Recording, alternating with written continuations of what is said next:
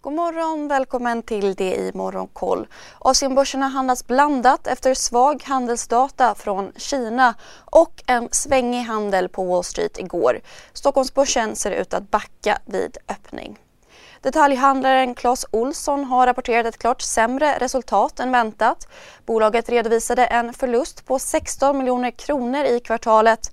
Väntat var en vinst på runt 63 miljoner kronor. Onlineförsäljningen däremot ökade 42% i augusti mot en väntad ökning på runt 1 Oljebolaget Maha Energy sänker produktionsprognosen för helåret bland annat på grund av förseningar av brunnsreparationer och EU-kommissionens konkurrensenhet har satt en så kallad provisorisk deadline för sin granskning av tobaksjätten Philip Morris bud på svenska Swedish Match till den 11 oktober. I Asien handlas Tokyobörsen ner 1% I Kina stiger Shanghai och Shenzhen svagt medan Hongkongbörsen backar närmare 2% efter svagare handelsdata än väntat från landet. Exporten ökade drygt 7% mot väntade närmare 13% Importen steg svagt mot analytikernas förväntan på runt 1 den japanska investmentbanken Nomura har skruvat ner Kinas BNP-prognos något ytterligare på grund av landets covid-restriktioner och spår nu en tillväxt på 2,7% för helåret. Bland bolagen går fordonssektorn mot strömmen.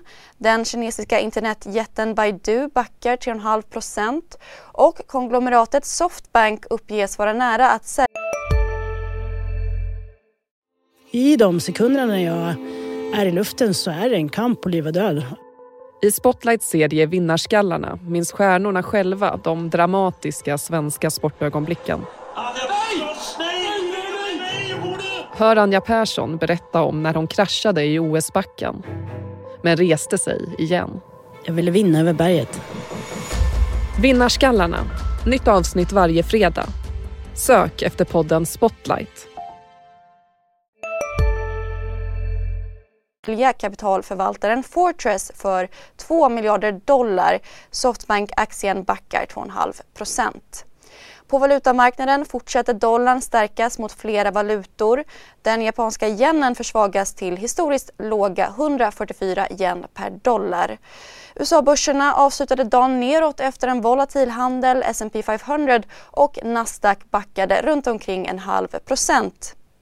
ISMs inköpschefsindex för tjänstesektorn steg oväntat till 56,9 i augusti.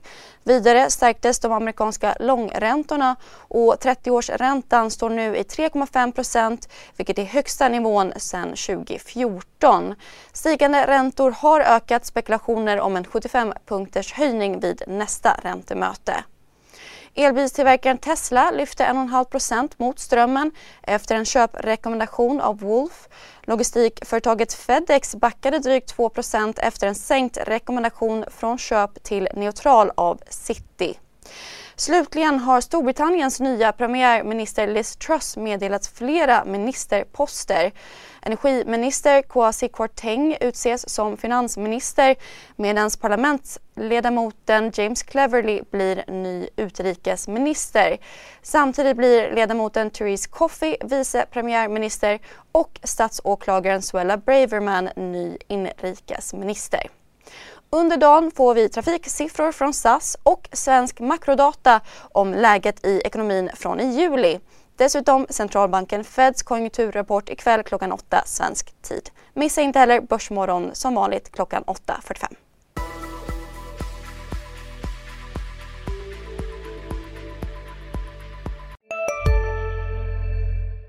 CSRD, ännu en förkortning som väcker känslor hos företagare.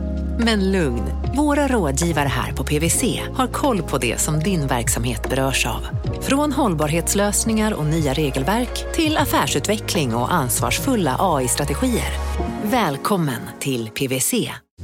Hej, Synoptik här. Så här års är det extra viktigt att du skyddar dina ögon mot solens skadliga strålar. Därför får du just nu 50% på ett par solglasögon i din styrka när du köper glasögon hos oss på Synoptik.